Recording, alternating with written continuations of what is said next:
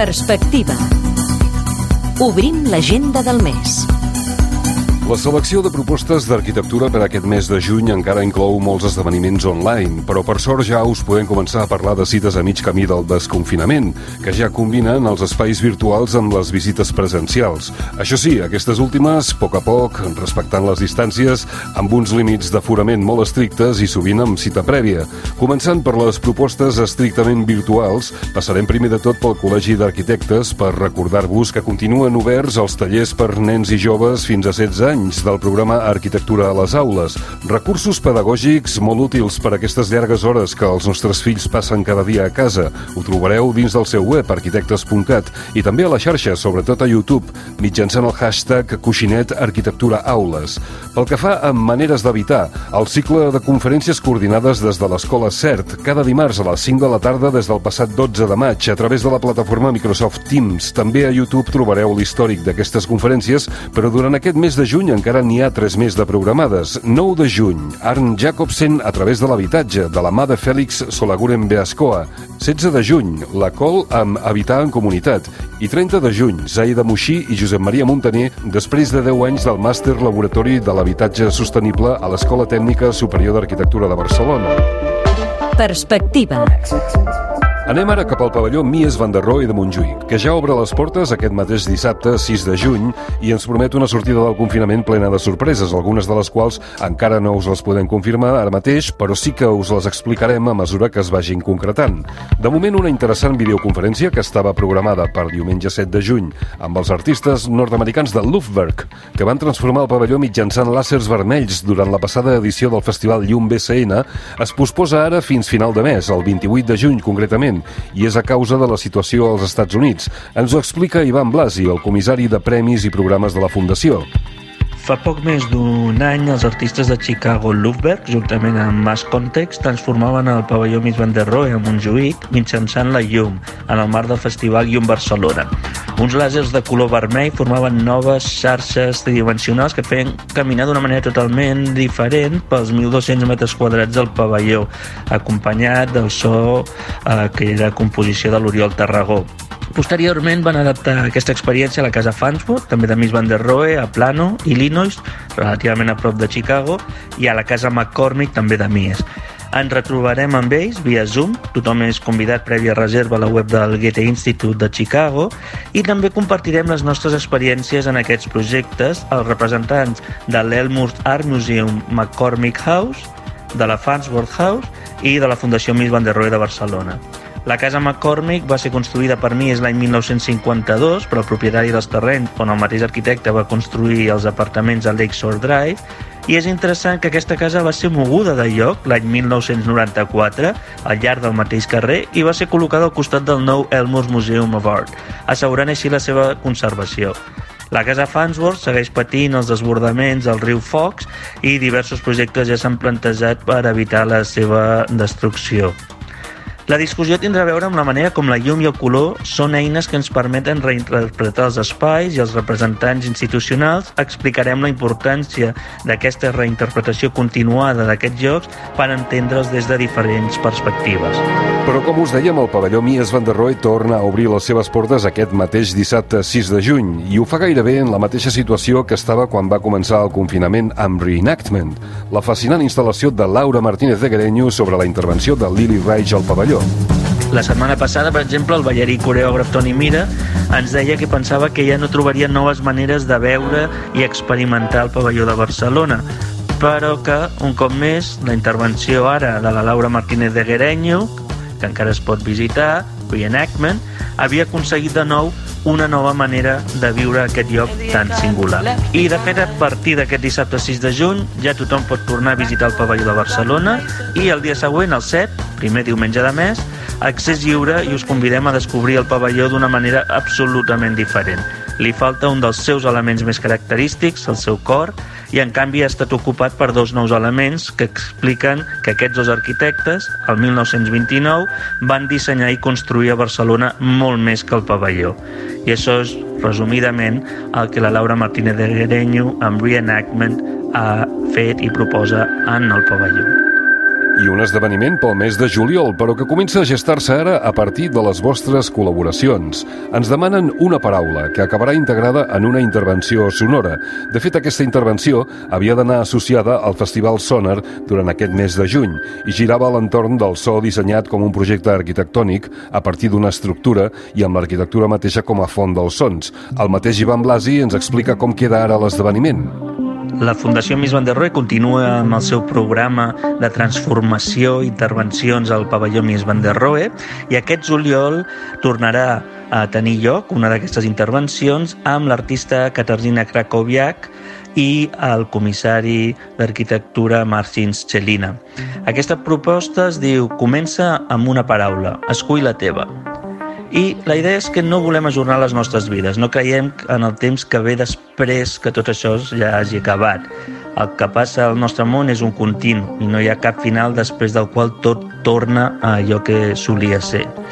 I per tant invitem a tothom a que abans del 15 de juny enviï una paraula al mail letter arroba miesbcn.com gravada, en veu i amb una explicació escrita, una paraula que eh, us agradaria que perdurés, una paraula que proposaries com a part d'una composició polifònica que serà el resultat que la Catarzina Krakowiat en farà de totes aquestes paraules que eh, anem rebent. Fins ara ja en portem unes 150.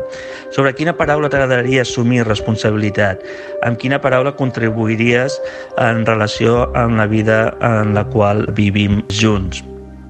De manera que eh, aquesta proposta, de la qual ja informarem més endavant, permet participar a qualsevol persona en una de les intervencions que tindrà lloc aquest estiu i que tindrà un gran impacte, ja veureu. Perspectiva. I durant aquest mes de juny encara podem seguir gaudint de Mies van der Rohe i de Le Corbusier i de molts altres, però des d'un altre entorn. L'espai virtual que ens propicia l'Associació per l'Estudi del Moble els dies 15 i 16 de juny a dos quarts de set del vespre. Moblant vinyetes, el disseny contemporani vist des del còmic. Dues jornades de videoconferències, debats online i càpsules audiovisuals amb, entre d'altres, els arquitectes Enrique Bordes i Josep Maria Montaner, el director de documentals i malalt dels còmics Carles Prats, el crític d'art Jaume Vidal Oliveres, la historiadora de l'art Roser Messa, l'historiador i dissenyador Oriol Pibernat, l'antropòleg Octavi Rofes i més i més i més. Per exemple, el dibuixant navarrès Agustín Ferrer, l'autor del còmic Mies, de Grafito Editorial, que ens parlarà sobre vides dibuixades i els dissenys arquitectònics a la novel·la gràfica. Hablaré sobre los arquitectos y sus obras en el cómic. Haré una pequeña descripción y algo de historia de la figura del arquitecto y de la edificación en, en lo que es la representación de, del cómic desde más o menos desde la prehistoria. ¿no? Y después hablaré sobre cómo el arquitecto pasa a ser protagonista de las novelas gráficas. En el caso, por ejemplo, de Mies van der Rohe, centrado en lo que sería pues estas jornadas de muebles y, viñetas, pues eh, hablaré sobre Mies y el mobiliario como creación compartida, puesto que reivindicaré ahí la figura de Lily Rage, su socia durante los años 20 y 30 en la creación, diseño y, y demás de proyectos de arquitectura, pero también del mobiliario y ya pues varios cómics que se han editado sobre la figura de Le Corbusier. Es una cosa muy extraña porque siendo un tipo pues misógino y antisemita, pues resulta que tiene cuatro cómics. Eh, eh, igual por el tema de que es eh, más eh, cercano al mercado franco-belga ¿no? de, del cómic, entonces que se hayan editado eh, cuatro títulos. En uno de ellos, eh, bueno, entra de refilón porque se hace mención eh, sobre su figura en Ellen Gray, eh, sobre la casa E 1027, en la que, bueno, ahí él no participó, pero se dedicó a mancillarla con una serie de grafitis que la dejaron hecha una mierda. Eh, es que era un tipo muy, o sea, famoso por su arquitectura, pero muy desagradable. En relación a lo que sería la arquitectura en el cómic y lo que son el reflejo de las vidas de los arquitectos en, una novela gráfica, pues lo interesante es eso, ¿no? Reflejar pues lo que sería la vida personal ¿no? de, del arquitecto. Al fin y al cabo, pues todos hemos, todos hemos un poco cotillas, ¿no? Y nos gustan los chanchullos y los, las interioridades de este tipo de personajes, ¿no? Y interioridades y, y chanchullos tienen bastantes. Entonces, eso es lo que hace pues rica una novela gráfica. Y al fin y al cabo, eh, esas mmm, peripecias vitales, vamos a llamarlas así, son las que definen al final la arquitectura de, de estos grandes maestros, ¿no? ¿no? No solo es interesante ver su arquitectura como si fuese un catálogo de obras, sino también lo que nos interesa es reflejar su, su vida. Us ho recordem novament, dilluns i dimarts, 15 i 16 de juny, a dos quarts de set del vespre. La cosa promet. Trobareu tots els detalls, el programa i la forma d'accés a la web de l'associació estudidelmoble.com. Perspectiva. I una altra imprescindible a l'agenda d'arquitectura d'aquest mes de juny. Bea Sàrries, amb 20 obres sota el títol d'Arquitectures icòniques a la Galeria Jordi Bernades de Barcelona fins al 13 de juny. La mostra inclou més de 20 obres que he portat a terme a partir de cases particulars i, i espais projectats per destacats arquitectes com Josep Lluís Cert, José Antonio Coderc, Manuel Baldric, Richard Neutra o, o el Paul Rudolf. Acostuma a dir que jo no pinto edificis, sinó que retrato la seva història. Porto més de 10 anys treballant, investigant per captar la llum a través de l'arquitectura, on he reinterpretat i modificat espais en busca de la llum i la composició. Bueno, us explicaré un parell que és, sempre és una mica anecdòtic. És, per exemple, el quadre dins i fora, és la Casa Güell que va projectar l'arquitecte José Antonio Coderc. Llavors jo volia pintar aquella casa i el que volia era anar a fer jo mateixa les fotos. Eh, no vaig trobar el contacte i el que vaig fer és vaig pintar un parell de quadres eh, sobre aquesta casa a partir de fotos d'arxiu. Al cap d'un temps va contactar amb mi la família Güell perquè havia- s'havia enterat que havia fet aquests quadres i va adquirir un, un d'ells i sobretot el que eh, va permetre és poder visitar la casa i quan vaig entrar vaig tenir aquella sensació de déjà vu, com si ja hagués estat dins. De vegades el que em passa, em documento tant sobre una casa que quan aconsegueixo entrar-hi tinc la sensació de que hi he estat abans.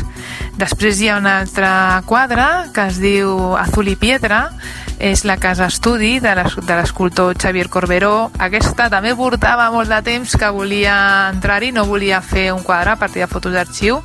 Llavors eh, vaig tenir l'oportunitat de visitar-la i, i re, portava, no sé, com sis mesos que la volia pintar. Llavors una miqueta abans del confinament vaig començar a pintar aquest quadre a l'estudi i la idea era que fos de color blanc i de color gris només real vaig començar a l'estudi amb, amb aquests colors i durant el confinament el vaig tenir que portar a casa per, per poder-lo acabar i de tant mirar per la finestra el cel blau, aquest quadre al final va acabar sent de blanc, gris i amb un cel blau enorme. Bueno, totes aquestes anècdotes, eh, si visiteu l'exposició, eh, podeu veure que hi ha uns fulls on les explico. Re, espero que us agradi i re, si voleu fer-me algun comentari, ja sabeu que a Instagram em podeu trobar. Abans de la visita us podeu passar també per la seva web, beasarries.com i la web de la galeria, bernades.com. Perspectiva. L'arquitectura a Catalunya Ràdio.